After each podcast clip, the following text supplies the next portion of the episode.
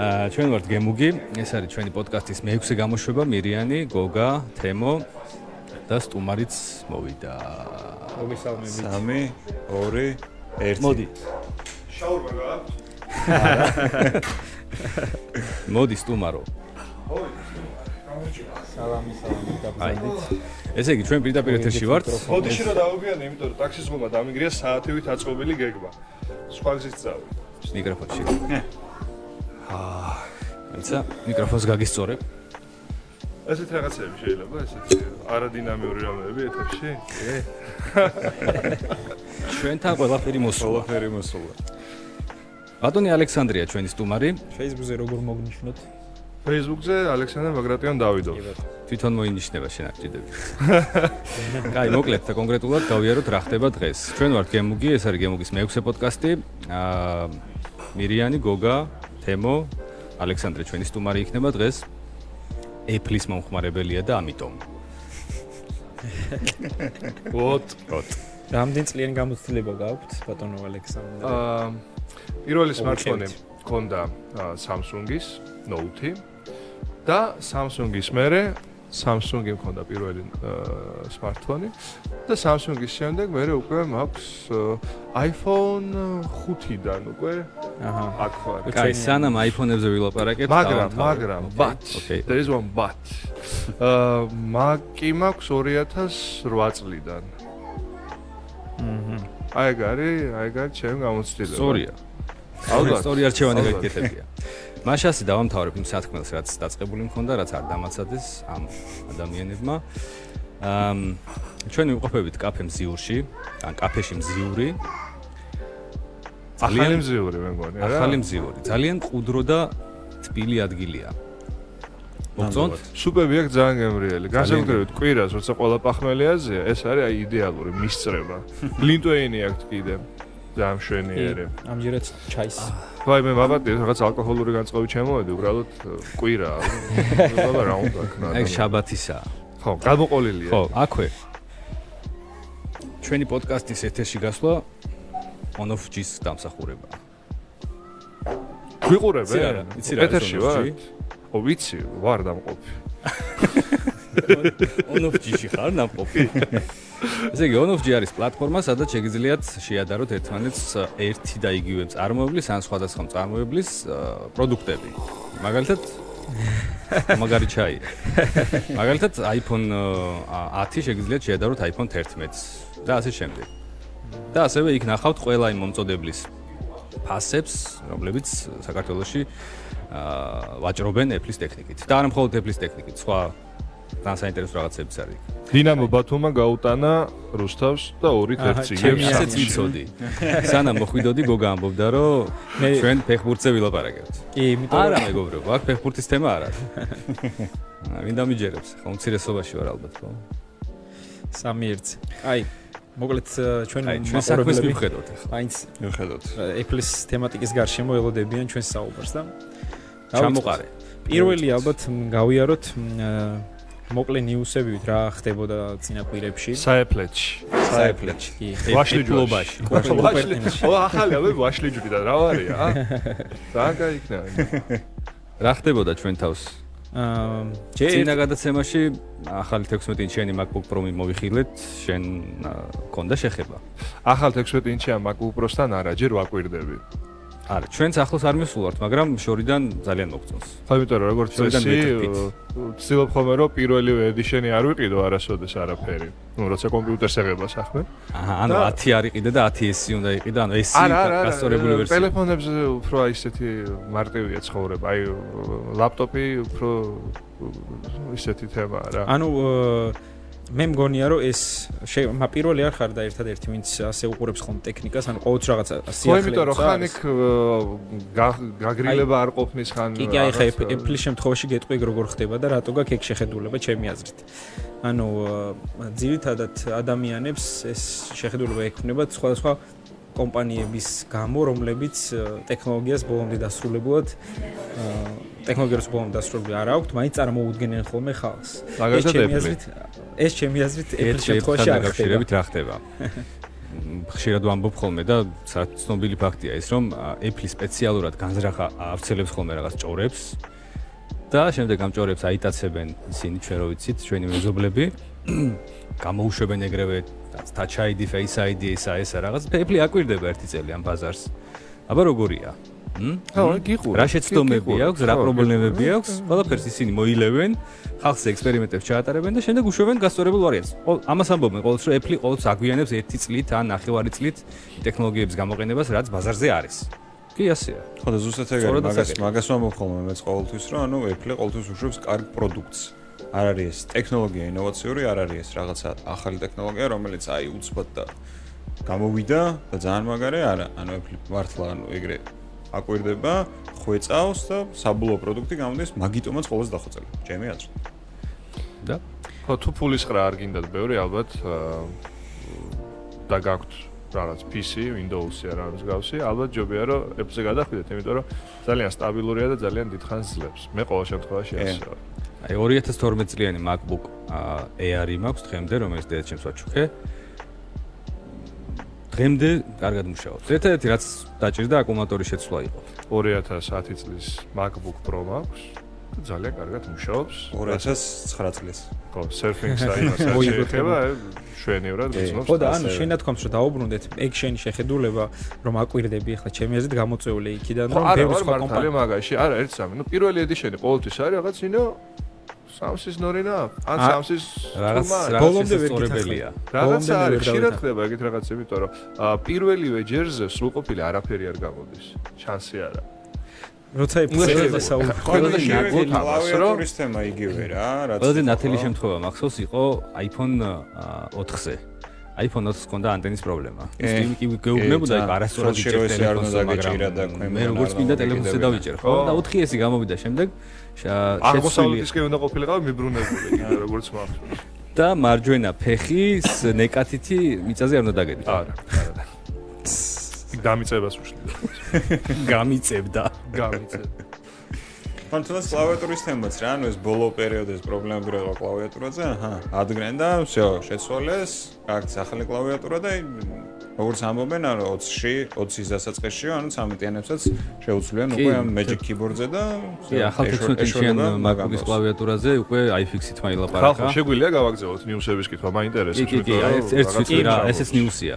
iFix-ით მადაშალა ახალი MacBook-ის კლავიატურა და აღმოაჩინა რომ აა ველოსიპედი არის თავიდან გამოგონებული. ან ძველებური კლავიატურა არის ოღონდ სხვანაირად, ახალი რა, ცოტა დაბალი. და ბიჭებს გაუსწორდა, დაშლა აწყო რაღაც მომენტში და თავი. კაი, აბა ნიუსები. ხო, სადა მაგთა რო ვიტრიალოთ, არის ერთ მოლოდინი ესეთი გვაქვს, რომ დეკემბერში Apple-მა დაანონსა, რომ უნდა გამოვიდეს Mac Pro. ო, ის Mac Pro, ხო? ყველის სახეს ყველის სახეს კი, კი. ვიზუალურად. კაი. ხო, პრინციპში რა არის? შერწყმა შეიძლება მოახდინო დიზაინში, ხო? დიზაინის თემაში ხარ და შენ უკეთსნა იცოდე რომ შეგიძლია სამზარეულოში დადგა პირდაპირ და პარმეზანი ჩამოატარო ხო ეკრანიც ეკრანიც ლამაზი აქვს საკმაოდ და იქვე რა სამზარეულოში თან რაღაც ცოტა სნექებს შეჭამ რაღაც გლინტვეინს მოსვამ და იქვე იმუშავებ და ყველსაც ესეც აღსანიშნია რომ დიდი ხნის განმავლობაში ეწერა საიძე რომ ყოფილიყო შემოდგომაზე და ახლობთ ორი კვირის წინ გადააკეთეს და დააწერეს დეკემბერი. აღარ არის შემოდგომა ხო, დააწერეს დეკემბერი. ნუ ძველი სტილით მაინც შემოდგომა გამოდის ძველი სტილით. ახალი წლისთვის ალბათ. ოღონდ არა არა ჩვენებური. ერთი სიტყვით რაღაცა რაღაცა კარგს ამზადებე, მეგონი. უბრალოდ ნამე აი ის კომპლექტაცია რომელიც მე მინდოდა იმდენ ძვირი გამოდიოდა უკვე Mac Pro რომ ეთქი ისე აი 5000-დან იწყება და ადის კაი Tesla Model S-ის ასე ხა. სხვა შორის Kevin Harris-ის ქონდა edo. სწორად ვამბობ, სახელდაგვარს ხო? Na na na na na na ეგარი ეგარი ეგარი მაგას ედო სხვა შორის სტორი და სტორში გაეპარა რომ ეს Pro უდევს თავის სტუდიაში არა ეს ეპარებად ხოლმე? ხო აი აი აი აი. მაგათ ინფლუენსერი კარგის ასე და ისე ახეჩ იგი და იგი. იგი და იგი. ეგ ქუთაისში იგი და ჩემპიონი რა ხდება კიდევ? კიდევ რა ხდება და მოდი კაი თავარ თემას შევეხოთ რაც წინა კვირას იყო ერთსა გვიყურებენ? ვინმე შეიძლება მოკითხვა გადავცე ვიც გვიყურებ? კი, კი, კი, რა თქმა შეიძლება. გოგა აი მე არ ვიცი ვინ გვიყურებთ, მაგრამ მინდა რომ მოგესალმოთ. 20 ადამიანი ამ წუთში Facebook-ზე გვიყურებს. ეკრანის ეკრანის ლომკა მქონდა ძალიან დიდი ხანი უკვე ტელევიზიიდან წამოვედი და ეს აი აქ ეკრანი ვერ დაგახვედრე კამერასთან არა უნდა იყოს არა იმათ ხახო არ ეკრანზე. ამჯერად თელი 20 კაცი, მაგრამ მე უფრო ძირითადად მე გვიყურებენ ვარ, ხო? ხო, ძირითადად ჩვენთან ესეთ ტრაფიკი არის, რომ შემომატებულების არა, ნახე ვიკენდზე უფრო არ გვიყურებენ და ლაივში. კვირის დღეებში აი სამუშაო პროცესი როცა არის, ძირითადად მაგ დროს ვიყურებ ჩემ თავს შემამტერ მოუყურა ასლავარები ხო, ან ძირითადად საქმის პარალელურად უყურებენ ხო. ჩვენიერია კი. თან საქმე თან საქმე ამიტომ შეგიძლია მიესალმო მე თან საქმე ხო იცი რა არის აი ცემენტის მანქანა რო დადის 8 ტრიალზე თან დადის ეგ არის თან საქმე თან საქმე. აკმონჩია ხალხს ხო, მოკლედ მთავარ თემას რო შევეხოთ, წინა კვირაში რაც იყო, ეს იყო ის რომ Apple-მა ონლაინ მაღაზიიდან წაშალა რევიუები უეცრად. ანუ 16 ნოემბერს როცა განათავსა ერთ-ერთმა იუთუბერმა ვიდეო, გათენდა თუ არა 16 ნოემბერი გათენდა რა ათენდა რა. როგორც კი აიტვირთა ამ ერთ-ერთი იუთუბერის ვიდეო, სადაც აძაგებს და კითხულობს ცუდ მიმოხილვებს Apple-ის საიტიდან ახალ MacBook-ზე. მ, ნუ ეს აუ არაუდი რა თქმა უნდა, Apple Apple Insider-ის ჟურნალისტებმა ივარაუდეს. და 17 ნოემბერს უკვე საიზე შევდივართ და საერთოდ ხაფ აღარ არის. რევიუები საერთოდ აღარ ჩანს. არავის აღარ შეუულია რომ რამე დაწეროს. თავისუფალ სიტყვაზე ეწოლად ხო, რა თქვენ რა სიტყვით ამაზე? ისე ხუმრობის გარეშე ან მე სიმართლე გითხრათ თავიდან ვიფიქრე რომ ტექნიკური ხარვეზი იყო. და იმის მერე არ გამოჩენილა ის მე არ გამოჩენილი. არ ვიცი კომერციული საიტი არ არის რაღაც დემოკრატიული ფრონტი ხო ისაა ჩემი სარეკლამო საშუალება და რიტეილის საუკეთესო ადგილი და შესაბამისად იქ არა ნუ რავი მილიონი ჰეიტერი არსებობს ხო რაღაც გიგი შიზოიდი ან არა შიზოიდი აპატეთ შეიძლება შიზოიდებს შეურაცხყოფა ვიყენე მაგრამ არის უბრალოდ ჰეიტერი ადამიანი რომელსაც რაღაც შააქ რა. უსხედან სპეციალურად და სისტემატიურად ან- დისკრედიტირებენ Android-ის მანიაკები და ასე ეგ მეც უფრო მაგ ვერსიის მჯერა რომ იმიტომ რომ ეხლა ძალიან კაია ისენი რე- რევიუები, მაგრამ ნუ Amazon-ზე შედი და იქ ნახე მაშინ ეს რევიუები, ხო? იმიტომ რომ ის უფრო დემოკრატიული ტიპია, ის არა dedicated Apple-ის გასაყიდე ადგილი. და ჩემს არა. საიდე რასაც მინდა იმას იცი, ვიტყვი. კი, გასაგებია.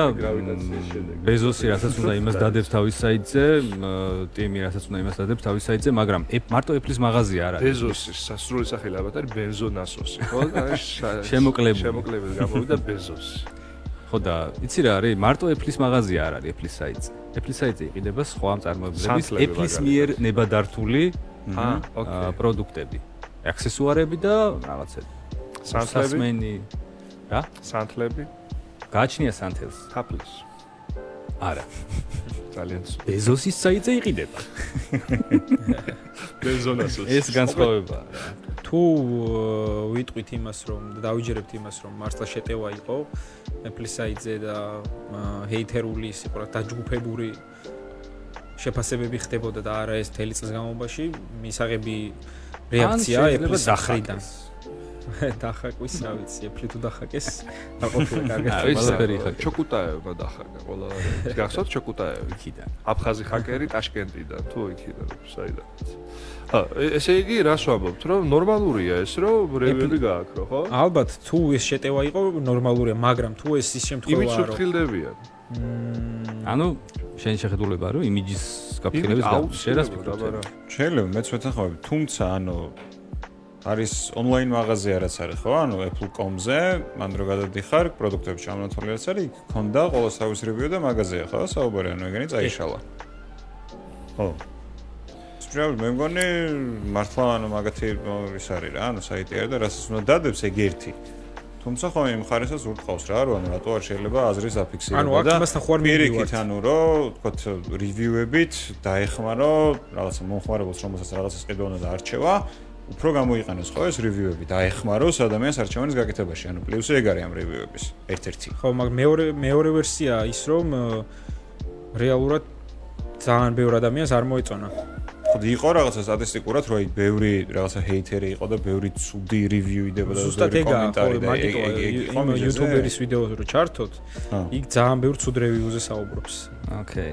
კაი. ღრევიუ აი შევთანხმდით იმაზე რომ ხო არა დემოკრატიულია იმისკენ მიგანიშნებს რომ იქ ჩვენი აზრი არავის არაფერ არ ჭირდება მამენ იმიტომ რომ ამას ისედაც იკვლევენ ესენი გამწარებულები და ძალიან ბევრ ფულს ხარჯავენ ამ სოციოლოგიურ კვლევებში და მონიტორინგში ამ ყველაფრის.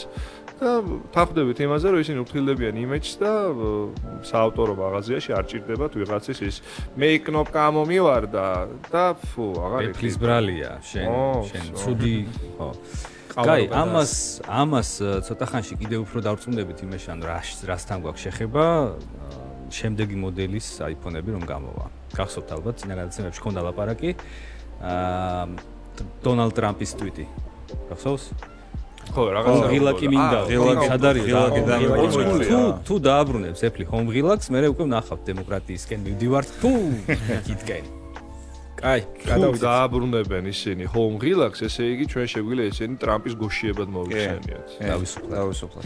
გადავიდეთ შემდეგ ამბავზე, შემდეგი ამბავი ის რომ არის ის რომ არ განახლდა წელს iPad Pro. და ჩემი სიკვდილი ასლაბარაკო. წინა წინა წლის ხელშორ ბევრი ბევრი მოხმარებელი გაუცრუდა იმედი, იმიტომ რომ Pro. ალექსანდრე ბატონო. შენ გეტყვი ერთ რაღაცას. ბოლო მოდელის iPhone-ები გახდება. iPhone 11 იცი ხო? აუ როგორ მოწოს და როგორ მინდა და როგორი კამერაა. ღმერთო შენ გუშვა. 11 Pro. 11 Pro. პროს გარეშე მე არ ვცხოვრობ. iOS 13 1 3-ში თუ არ 13 2 რა რომელიღაც ვერსიაში Apple-მა შეიტანა ცვლილება კამერის აპლიკაციაში. აი გაჩვენებ ახლა რა ხდება. აბა, ნახოთ. აა, როცა კამერის აპლიკაციას გავხსნი რაღაცა? არა, ეგ ეგ გასაგებია. ხო, ნუ იმას უკეთესი პროცესორი აქვს და უფრო უკეთესი მეტი შეუძლია. კამერის აპლიკაციაში ვიდეოს რეჟიმში მარჯვენა ზედა კუთხეში ხედავთ, აქ წერია 4K წერტილი 60. ანუ ამ რეჟიმზე მაქვს ამ წუთში ჩართული. აქ რო დავაჭერთ ის შეიძლება იმას ხო iPhone 11-ზე ამას ცული აა აქ ვერ ცვლი იმიტომ რომ ეს წინა თაობის ტელეფონია და მე მაქვს ვარაუდი რა ვიცი დასაბუთებული მინდა რომ ბოლომდე დავასაბუთო შენ დამეხმარე ამაში. ამის პროცესორი ვერ აკეთებს ამას ხო? ვერ ქაჩავს. ჟარგონულად რო ვთქვა ვითომ? არა ნუ ოფციის გადართვა გაფართოების შეცვლა აჩვეულებრივი აბავია უბრალოდ იმისთვის რომ ამ ტელეფონზე ეს გავაკეთო, უნდა არა, შეიძლება ამის გაკეთება. settings უნდა გავხსნა, კამერაში უნდა გადავიდე, აი უნდა ვეძებო, აი აგერ არის კამერა. მე უნდა გადავიდე აქ და ხელით აქ უნდა შევცვალო. აი აქ უნდა შევიდე, აი ამ ჯანდაბაში უნდა შევიდე. მაგაზე დიმიტრიმ გაქცა შენ პასუხი. მე მგონი ოდესმე უნდა დაიღალო მაგით და იყიდო ის რომ ეგრევე ეკრანიდან შეცვალო. ხო, აი ამაში კომერციის მტარვალურ პრინციპებამდე მივდივართ. დიმიტრიმ გაქცა მაგაზე პასუხი რომ მაგის garaშე ის მილიარდები არ მოვაო. ხო და მე მეც მაგას ვამბობ. თუმცა მაინც არ შეუძლია ამ ტელეფონს რა ვსუსტია მაინც. ნუ გამოსავალია რომ სულ high resolution-ზე გადაიო და გამოიყენო როგორც გაგიხარდა. შეგდა დაწიო მე. თუმცა აქაც არის ერთი პრობლემა, მოცულობა. 4K 60 კადრი წამში რომ გადაიღო, აბა ამომიცანი ხა. ეს გამოდის 400 მეგაბაიტი ერთი წუთი. აჰა. იქნება არ მინდა. მინდა 1080 p 60 კადრი, ეს არის 175. ნახევრილები უნდა გამომდინარეობდეს იმ მედიუმის მოთხოვნებიდან, სადაც შენ აქვეყნებ ამ ყველაფერს. ეთილინება და შენი სურვილები დაამთხვია იმის სურვილებს, ვინც გაწვდის. ა გინდა, გინდა, არ გინდა წადის მაო. რაღაც high resolution ის იმაზე უნდა გაუშვა, არ ვიცი. ხო? შეიძლება არ გინდა რომ გაუშვა და ნორმალური ის გაფართოება ყოფნის რაღაც მინიმალური. ყველაფერი მაინც ფულთან მიდის. ყველაფერი მიდის ფულთან. ფულთან. საჭიროება და მე იქიდან მე უკვე ფულ. აი, გჭირდება? ხო, კაი. ესე იგი უნდა დახარჯო. არ გჭირდება? ნუ მოდი და ნუ იმას ისო რა. გინდა რომ გადართო? კეიცი რაც უნდა. პარტივად. გიმი მანი. ხო, ეს ბოლომდე გამოკიდება ტექნიკურ პროგრესზე არის ცოტა სისულელის ნიშანი, მე ესე მგონია და სნობიზმის. აა შესნობოში. არ შეიძლება რომ აი ესე გაეკიდო ბოლომდე იმას, იმიტომ რომ რაღაცები უნდა გამომდინარეობდეს შენი საჭიროებიდან, არა და არა უბრალოდ სურვილი. ნუ თუ უბრალოდ აა მე მაინც აი გერმანული მოწყობა მიყვარს ტვენის ადამიანს, თუ საჭირო არ არის, რომ არ უნდა იყიდო, აი ასე ვშვები. ხო, თუ არ გჭირდება, არ უნდა იყიდო. არა, მესმის ყველაფერი გეთანხმები ვიზიარებ შენაც სრულად. მაგრამ მე აქ ლაპარაკია ძალიან მარტივ რაღაცაზე რა. არანაირი ტექნოლოგიური და არანაირი ჰარდვერული ნაწილი ამას ჩართული არ არის. ეს არის სუფთა მარკეტინგული სვლა. აჰა. თუ გინდა იქ დაჭერით ირთვებოდეს, იცვლებოდეს რეზოლუცია და ფრეიმ რეიტი, უნდა იყიდო ახალი ტელეფონი.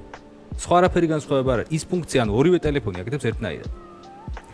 გასაგებია რომ კამერებში არის სხვაობა, მაგრამ აი რეზოლუციებს შორის გადართვა თუ გინდა უნდა იყიდო ახალი ტელეფონი. მოდი რამე საპროტესტო ნოტა გავუმივართ, რა პონჩი არის რთვება. როგორ შეიძლება? ტიმ. ტიმ. კუკი. როგორც ეჩე მეგობარი იყო. ამბობს ხო, მიმართვა ყავს. კუკი, დასაკეთე. კუკი რა ხდება ჩვენ შორის? რა შობია? ტიმ. ოპელი ვერ გეგი. კაი, კი გადავედით, მაგრამ iPad-ზე რა სიტყვით? კაი, iPad. კონია შეიძლება iPad Pro-სთან? აა iPad-ი ვერ მოვიხდინე. აი ძალიან მომწონს როგორც პროდუქტი რაღაც საოცრებაა, მაგრამ აი რო ზიხარ და ეჩალიჩები რაღაცებს ვერ ხვდები რომ აი საერთოდ ვერ მოუძებნი გამოყენება. აი საერთოდ არაფერში არ მჭირდება. შესაბამისად, აი ესე ვეთქვი შორიდან და რაღაცებს ვკითხო. მე მაგალითად გეტყვი რა შეიძლება გამოიყენო. აა ფილმებს, სერიალებს თუ უყურებ, სპორტს რო უყურებ, გავიგე. კი. კი, სერიალებსაც უყურებ. ყველაფერს უყურებ, რაც იყურება, იმიტომ რომ ყურება არის ჩემი პროფესიის ნაწილი. აი მე მაგალითად მგონია რომ iPad-ი არის კარგი გზაში. ну თუ საჭესთან არ ხარ რა თქმა უნდა მეტროში ავტობუსში აა თვითფრინავში თვითფრინავში კარია და ამ შემთხვევაში ძალიან დიდია უკვე ა ის 9 და 7-იანი და რატო გეტყვი? მე მაგალითად სადმე თუ მივიდივარ ყოველთვის ფილმ ფილმს უყურებ ხოლმე ან რაიმეს თუ მაქვს ჩაწერილი MacBook-ში. და ვფიქრობ რომ ბევრად კომფორტული იქნება მაგ დროს რომ მე iPad-ი მქონდეს. კონკრეტული ეგ შეიძლება პლუს არის მაგალითად სპორტ დარბაზში. ცნობილი თემაა, რომ და კარდიო ვარჯიშების დროს რამის რაიმის ყურება კარგი. მეც ვაგვირდები დადო აი სად იქ იმაზე პანელზე არის და ძალიან ცნობილია ხო ეხა ჩემ ჩემ მოკლედ მეგობრები ბევრი iPad-ით ვარჯიშობენ ხოლმე მაგას და კაი გამოსაყენებელია მაგას არა iPad-იც მაინც მგონია რომ დიდია ძალიან. ეხა მე მითხრა არა 9 და 7-იანი აი ამაზე პატარა თუ დააკვირდით თუ დააკვირდით iPad-ები თავიდან დაიწყო გამოსვლა იყო რაღაც თითქოს მაშინ მაშინვე უკვე ლაპარაკობდნენ იმაზე რომ ამას გამოყენება შეიძლება არ კონდეს და არ იქნება ეს პროდუქტი პოპულარული თუმცა გახდა პოპულარული იმიტომ რომ Apple-ის იყო მე სხვა მას გამოუშვეს იმიტომ რადგან მოფული ისოვა მოდი ჩვენ შეგვიძლია ვიშოთ და ფას დავწევთ რაღაც სხვა ფუნქციებს დავამატებთ რაც Apple-ს არ აქვს ასე შემდეგ. მაგრამ ბოლოს ბოლო მოდელის iPad-ები მაინც იქეთკენ წავიდა რომ დიდი ეკრანი რომელიც შეიძლება მაგიდაზე დადო რომელსაც კლავიატურა არ აქვს და აქვს სენსიტიური ეკრანი მაღალი გარჩევადობის და მაღალი გზნობელობის მაინც ხატვისკენ წავიდა. კი.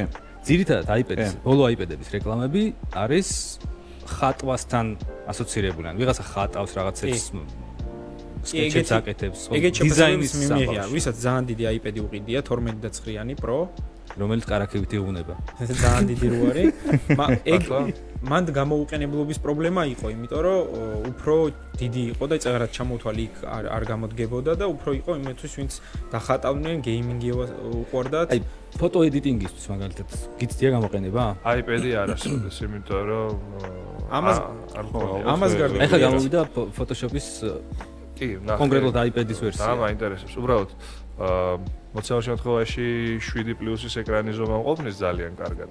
მაგრამ მოდესმე ალბათ როცა ჩემ მობილურ ფოტოებს უფრო კომერციული გამოყენება ექნება და როცა უკეთეს მაგალითად 11 პროზე გადავიღებ, მე შეიძლება მომიხდეს აი ამ iPad-ის შეძენა, რომ იმიტომ რომ პატარა ეკრანზე შესაძლოა ერთი ჩანთა მობილური ფოტოგრაფია იქნება რა, ანუ ჩანთაში კამერა გიდევს, ლინზები გიდევს ტელეფონი კავშირისთვის და iPad-ი დასამუშავებლად და იქვე ფოტოების გასაღებად. აქ შემთხვევაში ჯობია რომ უფრო დიდ ეკრანზე დაამუშავო, იმიტომ რომ დიდ ეკრანზე მაღალი გარჩევადობა გაქვს.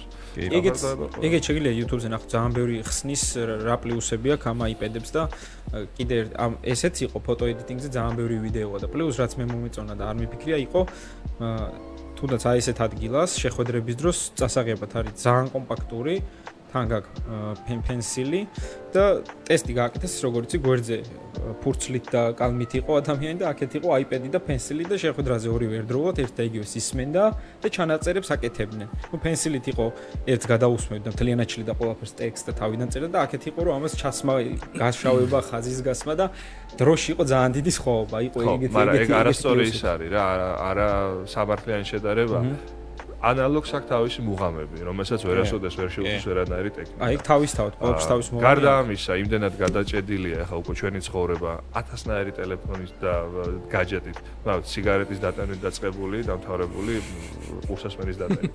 ადრე ვერც ფიქრობდა ალბათ ადამიანი ყურსასმენი შეიძლება დაიტანოს 15 წლის წინ. მანქანა ხო, აი ეს ანალოგური შეგრძნებები გჭირდება, რომ ბოლომდე არ გაუწევ. მე ვიქნები თქვენს წინააღმდეგ ამ ამ ჩართვაში. ოკეი, იმიტომ რომ უფრო საინტერესო გახდეს, იმიტომ რომ ადამიანს უყვარს კონფლიქტი საერთოდ. კარგია თუ ბუნებრივად იქნება ჩვენ წინააღმდეგ. ხო, არა, მე მართლა ესე ვფიქრობ, რომ აი ყველაფერს გადიჯიტალება არის არასწორი. ხელი ხელს უნდა შეხება გჭირდება რაღაცეებზე. აი მაგალითად ისინი პლინტუსები გავაკარი დღეს ჩემი ხელით, იმიტომ ეს მინდოდა რა. ანუ და არ გინდოდა რომ ეს პლინტუსების გაკვრა რაც ვირტუალში 3D-ში ანუ რაცა დამეკირავებინა ეს ხელი შეხებები აქ მოდი მაშინ რამე დივაისი დამისახელე რაც გამოყენებაში არის ბევრი იყენებს რაც კარგად იყენებენ და შენ გეზედმეტება. ანუ დასატენი მოწყობილობები რა გაჯეტი რამე. ო არ vicsi აი iPad-ი მე ზედმეტება მოცემულში თქვა ჩემი ცხოვრების, იმიტომ რომ დიდია და ისე ძალიან ბევრი ტექნიკა დამაქვს. მე ვიტყოდი iPad-ი რო ჩავიდო კიდე შეიძლება აა აი ეს ზურგჩანთაში თუ ჩაიდებ, უნდა ჩადო რაღაც ისეთ кейსში, დიდი iPad-ი 12 12 კი არა, დიდი რა. რომ მართლა არ გაღუნა თორე. ძალიან ბევრი ვიდეო აი ხელს როგორც მოუჭერ, იღუნება. ამაში და ის ამოიდო. აბა კამერა ჩადე და ლინზები იმ ჩანთაში არის დაახლოებით 15 კილოიანი და შეუძლებელია რომ ესე ფაქიზ რაღაცა ვატარო. აი კიდე ერთი ადამიანი მოდის შარტვაში, ოღონდ ძაღლი ადამიანი. ამას ჯარიმებია უკვე. ეგეთივე დივაისი შენ თუ შეიძლება Apple Watch-ი იყოს. აი, აა, всё, Apple Watch-ი არის აბსოლუტურად ზედმეტი ჩემს. აი, ორიგი ელექტრონული რაღაცა, რომელსაც ჩემი გაფანტული ყურადღება კიდევ უფრო უნდა გამიფანტოს და მიმიზიდოს. მე ვარ Apple Watch-ის წინააღმდეგი ორგანულად. საერთოდ არაფერში არ ჭირდება. მე Apple Watch-ის garaშე როგორც შენ სპორტსმენი ხარ. დიდი ხნის ფიტნეს ინსტრუქტორი ვაცხადებ რომ კიდე სპეციფიური ის არის. Apple Watch არის Apple-ის პროდუქტებში top 3-ში. რატომ? იმიტომ რომ ერთი გაძლევს ძალიან დიდ მოტივაციას. თავის დავაი დავაი. ეს კი კი ეხა ცოტა ხანი რომ ვიждდებით შეტყობინებას განახებ როგორ მეუბნება რომ შენი ადგომის დროა. იმიტომ რომ ძალიან დიდი ხანი ზიხარ. ეს ერთი. გითვლის კალორაშს გიკონტროლებს გულს. მართალია ის ფუნქცია ეხა ამერიკაში უნდა ცხოვრობდე ამერიკაში უნდა ცხოვრობდე რომ მაგალითად თუ არის არის ფუნქციები რომელიც მაგალითად იყო ეგეთი ამბები ავარიაში მოყვა ადამიანი რომელსაც iPhone-ი მანქანა ამოტრიალდა. iPhone-ს ვერ პოულობდა, იმიტომ რომ მანქანა ამოტრიალებული იყო და ძალიან ცუდ დღეში იყო და ერთი ღილაკის დაჭერით გამოიძახა 911. აა შეიძლება ღილაკსაც არ დააჭირო და თუ უგონოდ ხარ, ხო, ეს უკვე ახლა საათი ავტომატურად გულისხმობს შენ მდგომარეობას და წინასწარ მითითებული მონაცემების მიხედვით იძახებს შენს ვიღაც კონტაქტ ახლობელს და ავტომატურად გზავნის პოლიციაში. კი, ესეთი შემთხვევაც იყო ველოსიპედებით მამაშვილის ერთად სეირნობდნენ და ჩამორჩა. ჩამორჩა. აა ან მამამ გაასწრო და შვილი დაეცა, თუ ზუსტად მახსოვს. ბავშვ და ელოდეო, საათმა უთხრა. და საათზე გაუგზავნა მესიჯი. პირდაპირ. ამას გარდა არის კიდე ეს ასაკოვან ხალხშიც არის, რომ ბევრ ამერიკულ ნუ ეხა ამერიკაში არ ყოფილვარ, მაგრამ მინახავს ბევრ ასაკო ევროპაში ბევრ ასაკოვან ადამიანს უკეთია საათი და აფასებენ იმიტომ რომ ეს მედიცინის კუთხით არის ბაზა თავის ექიმს ეგზავნება მისი კარდიოგრამა კი აუცილებლად საათის გააქტიურებისას ხელსაწერე ხელშეკრულება სადაც Apple თანამშრომლობს სხვადასხვა ინსტიტუტებთან სამედიცინო დაწესებულებებთან რომელსაც ავტომატურად უგზავნი რაღაც სააბონენტოს მე მგონი რაღაცას იხდი მაგისტვის რაღაც აბონენტოს სამაგიეროდ ავტომატურად უნდა შედიოდეს ალბათ იქ დაზღვევა ხო იცი როგორ მუშაობს? საბურთალო გაუტანა მეორე გოლი გასვლაზე ციფურაში ჩემიანი ეს გოლის ავტორი დავიტოვოთ ეს კაცი შემდეგ კვირასაც შენ ხარ. ჩვენ წავალთ თქვენ დარჩით.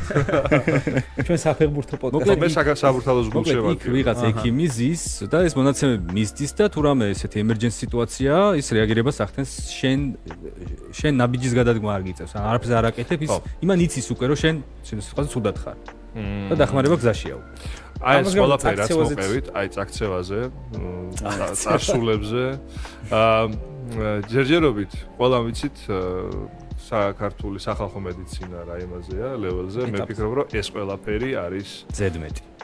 ზედმეტი, აი ეს ну ქართულ მედიცინაში ნამდვილად როგორც თქვი რა გარეული როგორც ყველგან რა თქმა უნდა მაგრამ სპორტში სანამ ამერიკაში უნდა ცხოვრო ხო ამერიკაში არა არა სპორტულ ამბავში მართლა მართლა მართლა მართლა მართლა აი ჯერ აი ამ წამს შემიძლია განახო ჩემი პერსონალურები ვინ სად არის რას აკეთებს და რამდენი კალორია დაწვა დღეს ყველასა ვაკონტროლებ აბსოლუტურად. შენი შენი მოსწავლეები. კი, კი, კი. აა ეგ ეგ ეგ Watch-ის- პროფესიულ და- დანიშნულებას რო უძევნი ძალიან კარგია და მისასალმებელია, მაგრამ მე არა, მოვარჯი სანამ იქ არ გადავსახ. ხო, მაგრამ ესენი ესენი ხო, ესენი ხო არ არიან ამ შემთხვევაში წამო. მოვარჯიშეები არიან, მათაც ეფლოუჩები აქვთ, იმიტომ შემიძლია მათი გაკონტროლება. ხო და მაგას ვიძახი რომ აქ შემთხვევაში კარგია. ნუ თუ თუ თუ არც ვარჯიშობ საერთოდ აი დავანებოთ ეფლორის თავი. გადამაგდებინებთ. მოკლედ ხო რა კაია რომ მოისმინე მოკლედ ესენი და მეც კაია რომ მოვისმინე შენი მხრიდან იმიტომ რომ შენ შენ რო არ გეთქვა არასოდეს არ დაგუგლავდი მაგას. ვიცოდი რომ ბევრ რაღაცას მონაცემების მიმოწვა ისე შეგილია მაგრამ აი ჩემ ცხოვრებას კიდევ ერთი დასატენი მოწყობილობით ვერ ავრევ. და იმდენი კაბელი მაქვს უკვე რაღაც ჩემი კაი, მოდი ნეგატიურს ვეთყვი ეფლოთზე. გულს გაგიხარებ, შენსკენ გადმოვალ ცოტა ხან გადმოჭ გადმოჭ. აბა. მოკლედ, ბოლოს წინა განახლებაში Apple-მა დაამატა Apple Watch-ში დამოუკიდებლად, ანუ თუ აა, 4G მოდემიც აქვს, ანუ სიმბარათის, ანუ დამოუკიდებლად ინტერნეტს იღებს, მ, შეგიძლია მუსიკას მოусმინო მესამე დამატებით device-ის გარეშე, ანუ იქამდე იყო როგორ? ტელეფონთან გაქვს დაკავშირებული საათი და ყურსასმენი საათთან, ანუ იქიდან მოდის საათში და საათშიდან მოდის ყურში. მე რე აღმოჩნდა რომ თურმე შესაძლებელი ყოფილა შე- შეუძლია თურმე იმ საათეს ვინდა რომ გაყიდვები ძალიან დაბალზე იყო ტელეფონის გარეშე 4G მოდემიანი საათი პირდაპირ მიგაერთებინა ყურსასმელზე და ტელეფონი დაგეტოვებინა სახლში. დარეკავდი ზარებს მიიღებდი აქედან და მუსიკასაც მოვუსმედი, მაგრამ არის ერთი ძალიან დიდი მაგრამ. რომელიც რომელშიც ისევ რომელშიც ისევ ეფლი თავისას მიერეკება. ამის გაკეთება ან მუსიკის მოსმენა მესამე დივაისის დახმარების გარეშე და შეგიძლია მხოლოდ Apple Music-ით. ვერც Spotify-ს, ვერც YouTube-ს, ვერც ერთ აპლიკაციას და მუსიკალური ბაზის მქონე. მე არ მაქვს გონდა Apple Music-იც, ე? არც მე არ მაქვს. რადიოები ცხოვრობ უბრალოდ არც მე არ მაქვს Apple Music, მე Spotify-სკენ ვარ. აი ვერ- ვერ Spotify-ს კი არ მაქვს წარმოიდგინე მუტანტ რადიოს უსმენ ახლა პატარა დავარეკო კარგია სხვადასხვა. ძალიან კარგი კი. სად იყვნენ აქამდე და რა არის შეიძლება- პრობლემა სად რაშია? იყვნენ? მირია ეგოც არა. Spotify-ს ვერ წერე ფლოტში? არა, Spotify მაქვს ჩაწერილი, ოღონდ ნაწილი არის ამ აპლიკაციის, ამ ტელეფონიდან უნდა წამოიღოს საათში და საათთან უნდა მივიდეს მე ყურში. გადადი Apple ტელეფონს ვერ ვტოვებ, მაინც ხვდები? ხო აი Spotify-ს რაც შეეხება იმდენად მეზარება ეს ბარაც ვერცნობს და რაღაც უნდა იჩალიჩო რომ გადავაწყვეტო არც დაგიწია, ხო, არც გიზებნია. ხო, რავი. ჩვენ ვართ რაღაც რუკ- რუკიდან ყოველთვის ამოვარნილი. ყველაზე ახლოს მაგალითად, რაც ვიცი, თურქეთში არის ხელმისაწვდომი ოფიციალურად კი და 10 თურქული ლირა ღირს ერთი თვე. ეს არის ბეშლა წარმოიდგინე, წარმოიდგინე, ხო. აა ანუ ეგეთი სტანდარტული ფასია ყველა 9 ევრო ღირს ევროპაში 9 დოლარი ღირს Mhm. 9.19 ამერიკაში. და აა, 9.19 თურქული ლირა ღირს თურქეთში მაქვს თურქეთში და რეგისტრირებული. ჩვენთან და 10 ლარი არა, ეღირება Spotify თვეში არა მგონია ჩვენი ლარის პირობები. თუ გავითვალისწინებთ ჩვენი საზოგადოების გადახდის უნარიანობას და პირატულობისადმი მიდრეკილებას, მაინც არავინ იყიდის მოდი ესეთი ცოტა ძალიან. მაგრამ ცოტა. არის ხალხი, ვისაც უყარს ხარისხიანი ხმა, აჰა. bitrate-ი რომ ნორმალურია და ასე შემდეგ და ყველაფერი. არის ერთი ადამიანი რომელიც Spotify-ს აძაგებს მაგაში იმიტომ რომ კომპრესირებული აუდიო მოდის მან არ მაინც არის, მაგრამ ამ კომპრესირებულზე ცუდი არ გინახავს, დავიჯერო YouTube-ზე რამე. აჰა. 320 ხო მოდის? თუ არა? კი კი. ეგ არის რა. აი ეს არის ფული მოწყობილობაში 320 ძალიან ნორმალურია. კი. ну ისეთი ხა არც დიდი არგუმენტი არ უნდა ვთქვა Apple Watch-ზე გამახსენა წეგან აა, რო ამბობდი პირველ წელს როგორც კი Apple Watch-ი გამოვიდა ერთი წლის თავზე ზუსტად სტატისტიკა გამოაქვეყნა იმ კუკმა სადაც იყო ნაჩვენები რომ გახდა მსოფლიოში მეორე გაყიდვადი საათი და პირველზე იყო Rolex-ი მე ზუსტად ერთი წლის მერე ისევ გამოაქვეყნა სადაც უკვე დაიკავა პირველი ადგილი. ხშირად უჭერთ ხოლმე დაჯერება მაგის ატომღაც ალბათ იმხელა გავლენა აქვს Rolex და რო- სამყაროზე. ძალიან საინტერესო უცნაური სტატისტიკა, იმიტომ რომ Rolex-ი ბევრი არ იყიდება, იმიტომ რომ საშუალო ფასი ხო. არის 5000 დოლარი. ძალიან ვიწრო სეგმენტი არის Rolex. მართალია. Swatch Swatch-ის შემთხვევაში შეიძლება ცოტა ნაკლები ალბათ. Swatch მე მგონი უბრალოდ გადაწყვიტა რომ არ შედარებოდა. ალბათ luxury რაღაცეებს შეედარა, იმიტომ რომ Apple Watch-ი ხო luxury product-ად ითვლება, მე მგონი. კი, იმიტომ რომ არა მე მგონი ძალიან დამი სტატისტიკური შედარება გააკეთეს უბრალოდ მაჯის შეიძლება, საათი რომელი უფრო მეტი იყიდება ეს თუ ბრუსლი თუ შვარცენგერის რომელი სტატისტიკა. ანუ ამის Apple Watch-ის რაოდენობრივად უპირატესობას ბევრი რამე განაპირობებს ხო ეს მარტ ეს ეს არის ყველაფერი და საათსაც აჩვენებს რა. შენც ეგ იგეთი ესე იგი, იგი მაგის თქვა გინდა? მაგიტო იქნება ესე ხელს. ანუ რაღაცაზე რო ლაპარაკო ხო იცი და მია ხალ შეწყოსწავლეები. 10 ბუქნი. მაგიტო გეუბნებოდი წაღა. დამანებეთ მეთქი და გადამაგდებინეთ ხო. რაში იყენებს Apple-ს არასპორტული ადამიანი, რომელიც ამერიკაში არ ცხოვრობს? საათს ნახულობს. წამზომი. წამზომია ძალიან მნიშვნელოვანი. აი სირის ესაუბრება. ყველაზე ყველაზე გამოყენებადი. აი, ხო, ბოდიში მომითხოვია და სირის ესაუბრება. ბოდიში ამ სიტყვაზე და. მესიქს აგზავნის. რაც იცაუბრობენ თანამშრომლები ერთმანეთს. მე სირი ვერ შევიყვარე. ძალიან არასოლებარებოდი. არა, არა, სირი რო არასო ყოფილია მაგაზე არც ვითაოთ, გეთახმებით ყველა. ალისა, იანდექსის ალისაც კი ჯობია, წარმოიდგინეთ სირი, რაც ძალიან ცნაურია. და ნუ ალექსაზე აღარ ვამბობ რა. კი, არ მაგაზე საერთოდ არ ფუნქციონალურად აღიარებულია. ფუნქციონალურად შეთვალება ყველაზე თვითონ თვითონ Apple-მაც თქვა რომ სირის სირი eta სირი. მაპატიეთ. ვაი. სირიო საერთოდ ნოლიდან უნდა დავიწყოთ სირის გაკეთება ესეთი ესე თვითონაც აღიარეს ამიტომ ამაზე არც დავა. ხო არა საათის შემთხვევაში მეც გეთახმება აი წეღარაც ახსენი ხო? იქ რაღაცა 4G-ო ის იმას უკავშირდება ამას უკავშირდება გისმენდი მაგრამ ვერ დაგვერი გავიგე რას ყვებოდი ანუ ჩემთვის უკვე ცოტა რთული არის ჩემთვისაც რა ანუ არ ვიცი ხა ძალიან მარტივად. არა აღარ ხო კარგი კაი გადავდოთ საათი გავიაროთ აჰა აღარ არის წავიდე ჯიბეში ჩავიდე ან აგერიდოს მაგრამ ვაი ყო ეგ კი არ გვაგიზია ხო ბოლოს ვიტყვი სანამ დავამთავრებ. ერთადერთი ყველაზე გამოყენებადი ფუნქცია მოუძებნე ამას ის რომ ვიღაცა რომ მირეკავს ტელეფონი მიდევს ჯიბეში. კარგია. კონტრასტი ტელეფონი რომ მიდევს ჯიბეში ვინ მირეკავს რომ ნახო მაჯაზე დავხედავ ხოლმე. თუ მინდა უპასუხო ერთადერთი ამაში ყველაზე კარგად ხა ესეც ნუ საუბრობთ რა ძალიან გთხოვთ არ გამაბრაზოთ. ეწინა არა ნუ ხა ვიძახი წინადადებას რომ Apple-ში არის სრულყოფილება საათს. შენთვის არა ჩემთვის მარტო არ ვიცი, ნუ სად უნდა ნახოთ, შედი და ნახეთ ახლა. აი, ბოლოს შევთანხმდით იმაზე, რომ როგორც ალექსანდრე თქვა, აა გერმანულად. ისე კალიფორნია კი გაწერია მაისურზე, ასე რომ რაღა დამჩენია, საათი მაქვს კალიფორნია მაწერია და ამერიკაში უნდა წავიდე, ხო? ეგ ეგ რა დამრჩა. რაღაც პირველი მაინც დარჩა. ეს ეს ერთი რა. ლეგალურად უნდა დარჩა, არა ლეგალურად არ შეიძლება. ხო, ანუ საჭიროების იმას დაუბრუნდეთ რა, რომ ანუ შენ შემთხვევაში საჭირო არის, შენი საჭიროებიდან გამომდინარე, კარგად იყენებ. გამართლებული. ხო, მაგრამ სოფლიოში გოგა, კავი ვიცი საათი ძალიან მაგრად გამოგადგა ჩვენ. ხო და არა, სამწუხაროა ეგ რო არ არ გინდათ, იმიტომ რომ შენ მით უმეტეს ვარჯიშობ თემო და აი ალბათ ალბათ მომესხა. წარსულებზე არ უნდა გავჩერებული, კი და არ უნდა გამოვატო. კი, კი, ეგ არის. არა უშავს. Apple Watch-ზე არ უნდა გავჩერებულიყავით ერთი სიტყვით. მინდოდა ჩარტ ეგ არ არის, ხო, Flash. კი, აი აი. არის, ხო და არა უშავს. მომეცენ? კაი, წავიწიოთ წინ. როგორი ის არის ლიბერალური ის აქვს პირობები, იმას ახლა ვფიქრობ რა, Facebook ჩარტოს. შეგიძლია რაღაცები და აქცია. აბა, თქვა სირი თქვა. დინამიურია. წარმოგიდგენთ ტელევიზიაში რომ დამესხა მე ჩემი რეჟისორი რამდენს მიყურებდა ყურში, სოსო, რომელიც ახლა არ მიყურებს, იმიტომ რომ Android-ია. სხვათა შორის. აა, ბევრად მეტი ადამიანი მიყურებს ხოლმე Android-ის მომხმარებელი, რომ იცოდე. კაკიცინება და იმიტომ რომ ზოგადად როცა ნომერ პირველი ხარ, ალბათ ყველაზე მეტი ჰეითერი ყავს, ხო? კი, აბა რა. ამიტომ ესეთ სიტუაცია ხოლმე ხშირ შემთხვევაში. გოგა, დაძარი. ნატარები. გადავიდეთ.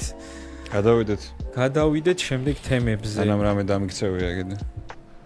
შენ გადიგარეთ და კინო კინო წარმოებაზე ვთქვა თეფლის. ხო, ეგ კინო ხო, ეგ საინტერესოა. აი ექსპერტების აზრი მოვისმინე, რაც უკვე გამოვიდა. რამდენი ხანია? ორი კვირა ხო მაინც არის რაც ხო აქვს უკვე TV Plus. პირველი ნოემბრიდან, ხო? ხო, პირველი ნოემბრიდან. პირველი ნოემბრიდან. აუ, სანამ გააგზელებ, ძალიან მაგარი უცნაური რაღაც უნდა გითხრათ რა. გუშინ წინ იყო, თუ არ ვწდები, თალაკვაძე რო ჩავიდა იქ. ჩავიდა და მე ხო, ჩვენ ახლა ამერიკაში ვართ და იქიდან ვერთვებით გას. გუშინ წინ დილით ვიღვიძებ, ხდება ანუ გადავავლე თვალი notification-ებს, bubble notification-ებს აი აპლიკაციაზე რო ამოდის და აბა რა აბა რა ხდება. და ხედავ რომ Apple TV Plus-ის აპლიკაციაზე რაღაც ერთი ცალი ერთი ანათებს რაღაც წითლად და გულმა რეჩხი გიყო. ხო. გადამიცივდა გული. გავხსენი აპლიკაცია და ხედავ რას. შენ როგორც ახალი MacBook-ის ფლობელსო, ანუ ახალი MacBook გიყიდიაო და აჰა შენ ერთწლიანი Apple TV Plus-ი. на тебе полотенце არ მიყიდია, საქმეც მაგაშია, რომ არ მიყიდია ახალი MacBook. წინა დღით ცოტა ალკოჰოლთან ახლოს მივეგობრე და ანგარიშებს ჩავხედე მეთქი, მართლა ხარ ვიყიდე. აუ ეგრა საშიშია მაგარი. აი მე მეორე დღის ანგარიშები შემოწევა აი მუნკის ნახადე აა აუ ხა თავარია იქ რამე არ შა არ შაკვდეს ისეთი რა. მე რეინანო. ძალიან ძალიან დაძაბული ხო და იქ ვერ ვნახე ანგარიშებში, მე ვიფიქრე გააზიარეთ. ეს ეს რაღაც წამებში ხდება. გაგვიზიარეთ. წამებში ხდება რაღაც რა, ანუ ხო ხო ჩავხედე რომ ანგარიშიდან არაფერია წაღებული. მე ვიფიქრე მეთქი ეგრევე არ ჩამომაჭრაფული და მეილზე ვნახავ რაღაც დაორდერების notification იქნება მეთქი. კიდე გაიგე ეგეც არის. მოკლედ ბოლოს ესე რა რა- გაირკვა?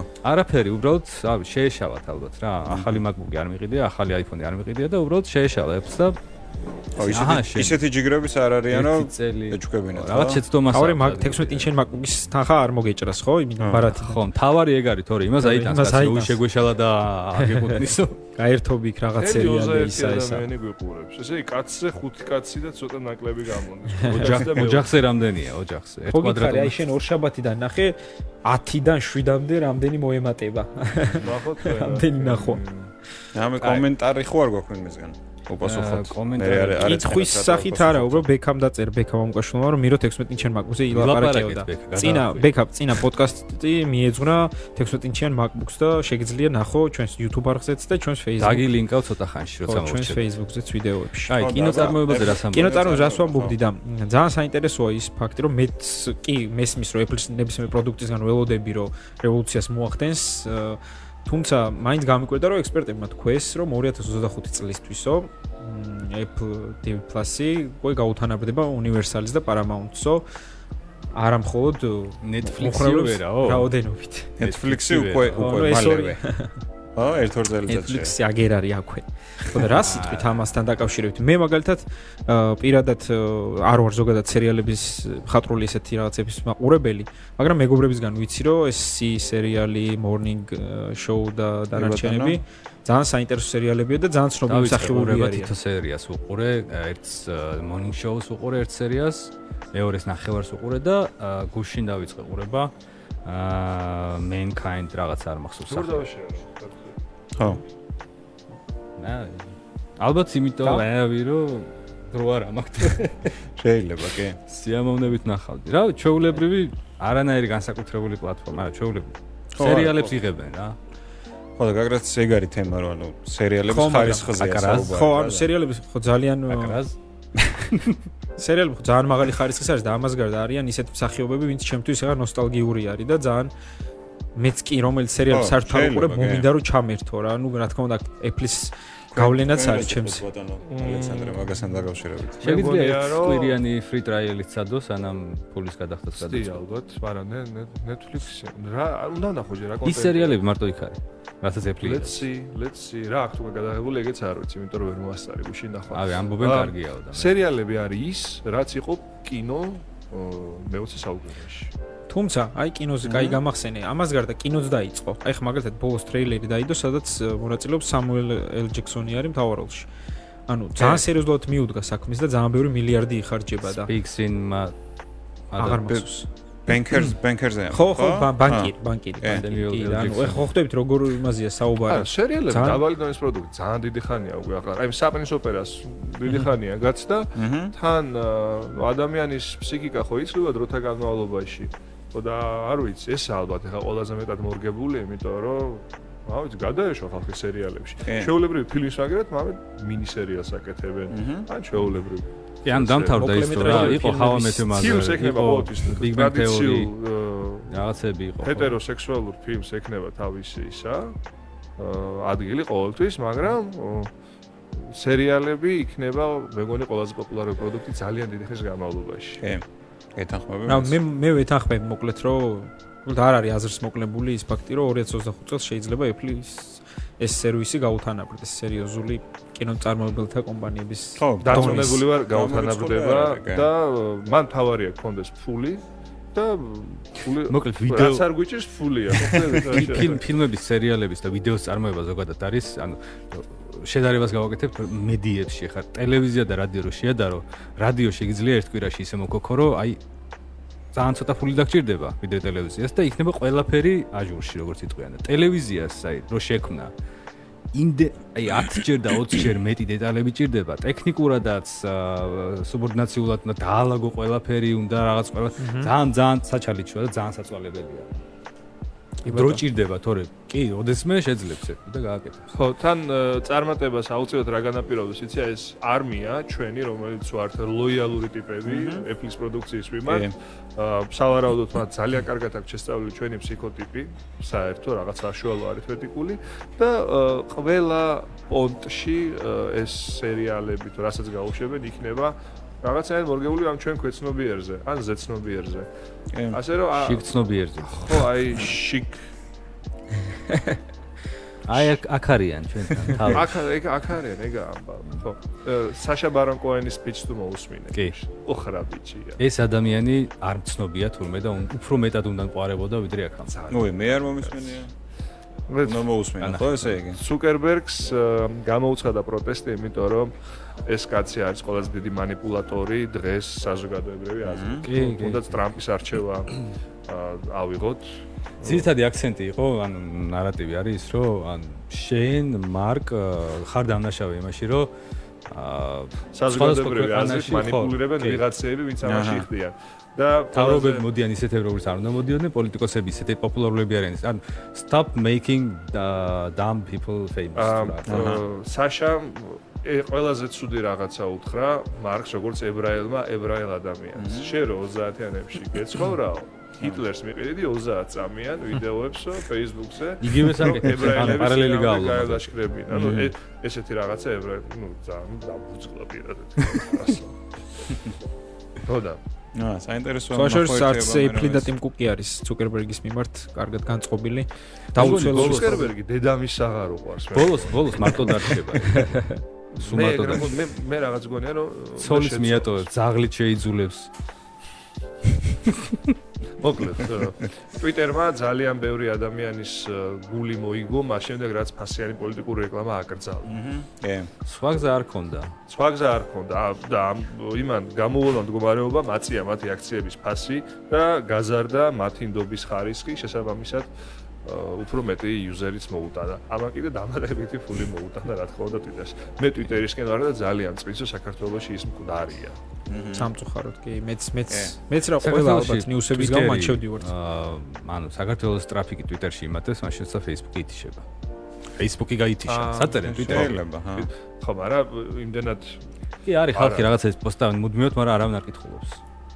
საქართველოს სხვათა შორის გავკადნიერდები და ვიტყვი რა როცა პოპულარული გახდა ეს სოციალური ქსელები ჯერ ტვიტერის აკაუნთი ქონდა და მე Facebook-ის გილოცოთ. აი ესეთი პატარა აი ესეთი უცნაური ფაქტი არაფერი. აი ესეთი არაფერი. დიდი არაფერი ჩაის აქებე, ძალიან კარგი ჩაია. რაც არ უნდა იყოს. ვინც არ უნდა იყოს მარკეტინგი თუ გორო. მადლობა. მათ აი რა თემა გვაქვს აბა კიდე ის ივენტზე არ თქვა ამაზეც ვერდიქტი არის რომ კი. კი კი 4 კი აქვს Apple-ის კი ტელევიზიას, ხო? კი დავეხმაროთ. ეგრე დავარქვით. 4 მეგრულად როგორაა? არ ვიცი არც მე. ხო. მე გულთან არის. არა. 4 4 არის. კაი, ბოლოსკენ მოდი. გავიდეთ უკვე. კი კი გავიდე და მოდი თავარი თემით როიწურება. დავასრულოთ რა.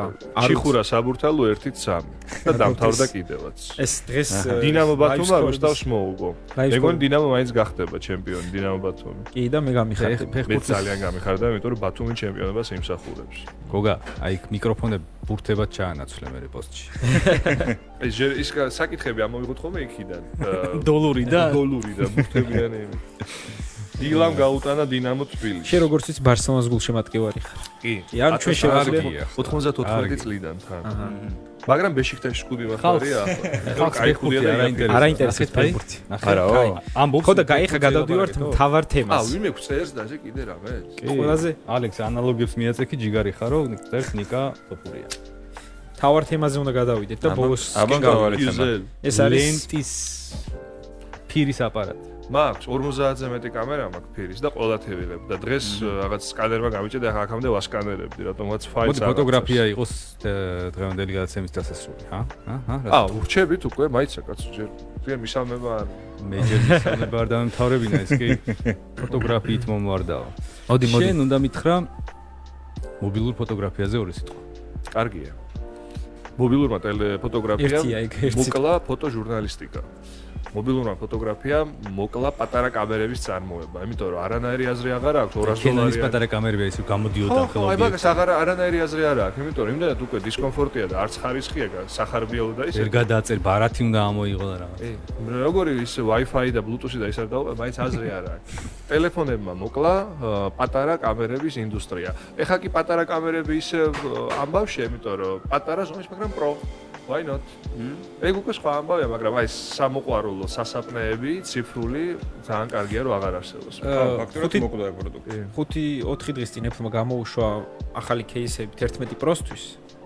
რომელსაც უკან აქვს ეს დამტენი ძველ მოდელებზეც არის ეგეთი кейსი, რომელსაც აქ თან დამტენი აქვს, გეცოდინება ღილაკს. გამობერილი რა. ხო, გამობერილი ადგილი აქვს და აი ამ ადგილას, ან ეს აი ამ ადგილას, არა ამ ადგილას დაუმატა ფოტოს გადასაღები ღილაკი. ძალიან კაი, იმიტომ რომ აი ხო და უკვე აი ესე გადაღება შეიძლება ჩვეულებრივ ახალი hm. iPhone-ის кейსით. 11 Pro-ებზეა მხოლოდ ეგეც. 11-ია. მობილურმა ფოტოგრაფიამ ფოტოჟურნალისტიკა კლასიკური გაგებით ძალიან დიცილად მოკლა. არა მარტო ფოტო.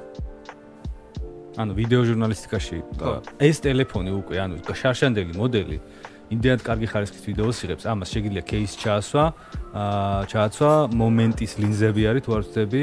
წებოც არის ეგეთი. კაისუნი აქვს. ნო. ანუ кейსი არის სპეციალი, რომელსაც ლინზები უმაგდება, ძალიან მაგარი ხარისხის ფაშოს, ნუ ლინზა კი ღირს 200 დოლარი, მაგრამ that's okay. იცი რა, თუ ხარისხი ჭირდება, აი 200 დოლარი ლინზისთვის. ან ხელის სტაბილიზატორზე კამერას ამაგრებ, უკაბელო როდეს პატარა მინიატურული მიკროფონები არის, რომელიც ძალიან მაგარ ხარისხს იძლევა. ეგეთ შენი მობილური ჟურნალისტი. მობილური სტუდია რა და ის ლეგენდარული სიკვები ავსიგ და საბოიბირო ვიდეო კამერო წარსულ ჩაბარდა როგორც იქ და მე და ტელეფონი შენ შეგიძლია უკვე თლიანი მობილური სტუდია იყო. მანდ მანდვე ამონტაჟო, მანდედანვე დასტრიმო, მანდედანვე ატვირთო. აა შეგიძლია აქედან 4K-ში დასტრიმო, ანუ სტრიმი გააკეთო 4K. ღერთი ხარეს. ძალიან ბევრია 4K. It's amazing. ვაი, ყველაზე კარგია რომ უკვე Apple-იც აყვა ამ იმას და უშვებს პრო მოდელებს ჩვენაირი ხალხისთვის, ვისაც კამერა ძალიან ჭირდება ტელეფონის და კარგი კამერა. მე კამერისთვის ვკითხულობ ძირითადად, იმიტომ რომ აა იმიტომ რომ იმიტომ ხვდებით ალბათ რატომაც. სხვა რაღაცეები იგივე რჩება ძირითადად ტელეფონში. ბოლო წლებში ეგრეა ნამდვილად კი. ხო, რაღაც ფუნქცია ემატება, რომლის გამოც მე პროცესორი ვეღარ ეწევა და ახალი მოდელის გამოშვება უწევთ, გაუმჯობესებული და დასწრაფებული პროცესორის და ასე შემდეგ რა, რაღაც უმნიშვნელო დეტალები. ხო ძალიან ბევრი ხალხი ვიცი, ვინც რაღაც ტექნოლოგიებთან ახლოს არის, მაგრამ მათ iPhone 4 აქვს. ძალიან ველოდები RAW ფაილის გადაღება, როდის იქნება შესაძლებელი უკვე iPhone-ით. თუ აქვს იმას, არ ვიცი. არის? გვაქვს? თვითონ თავისი აპლიკაცია არიღებს, არის Filmic Pro, თუ იცი. ვიცი კი, მაგრამ მინდა რომ აი თავისივე იყოს, ხვდები, აი რაღაც ის აქვს, არ ვიცი. თავისი ხო, აი ის რო იყოს, ხო, ფუნქცი ჩასა. uncompressed video, ხო. ნუ მაგ shoot raw-ში მე 20 დოლარი გადავიხადე. ძალიან მარტივია ერთი რაღაც სკაპის გაკეთება უნდა. ოჯახი ხრამია მე მინდა რაღაც უნდა იყიდო. რა გადავიდეთ ბოლო თავარ თემაზე? გადავიდეთ. აი შუეს იყო რა მობილურ ფოტოგრაფიაზე ვთქვით. თუ მეტის და თუ დამატებები და ისე ხო მე მუშაობ ერთ ძალიან კარგ ჟურნალში ქვია EDG და გეთახმები? ნუ გავაკეთე აი მაშ კი არ მუშაობ კარგი. დავამატეთ მობილური ფოტოგრაფია რუბრიკა ახლა იმიტომ რომ იმდენად კარგი ფოტოებია და იმდენად კარგი ფოტოგრაფებია რომელიც მარტო ტელეფონით იღებენ რომ ეს ხალხმა უნდა ნახოს. იმიტომ რომ ხელოვნება რა არის? ხელოვნება ხდის უკეთეს. დახულობ რაღაცას კარგს. ესე იგი ხელოვნება ეს არის რაც ცოტათი უკეთესი ხდება. ხო.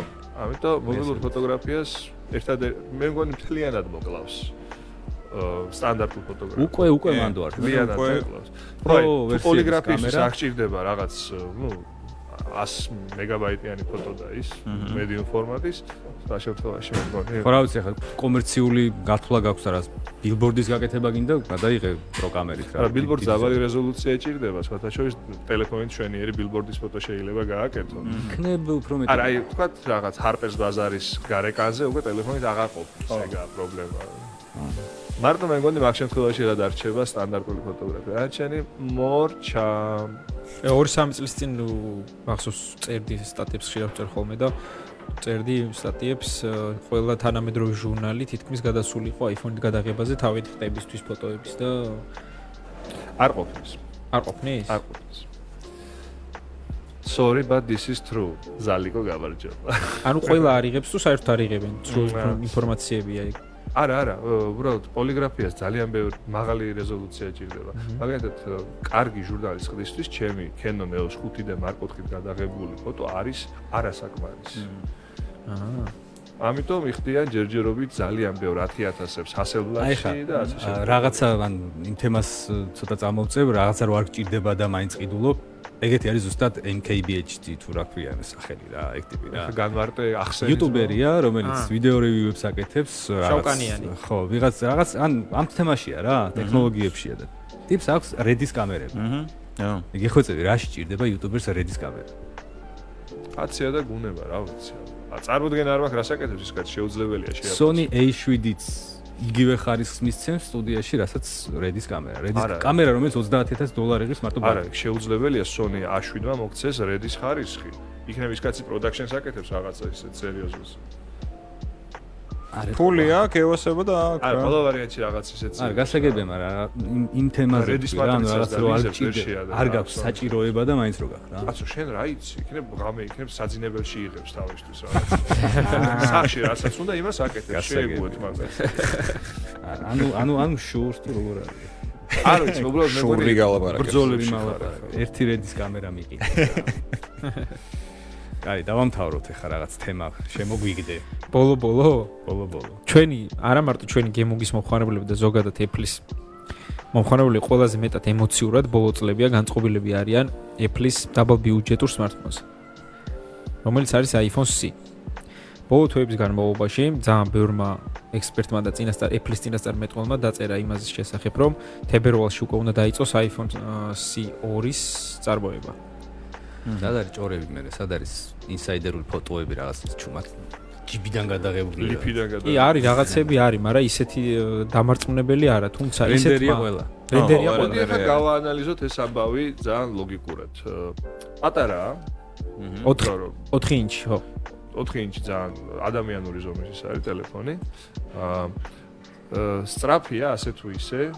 და ადამიანს რომელსაც უყვარს iOS-ის სისტემა. ერთ სიტყვით და არ უნდა ეს Android-ი და არც რაღაც განსაკუთრებული მოთხოვნები აქვს, რომ 20 ინჩიანი ეკრანი კონდეს და ფოტოს იღებდეს რაღაც 100 მეგაბაიტიანს.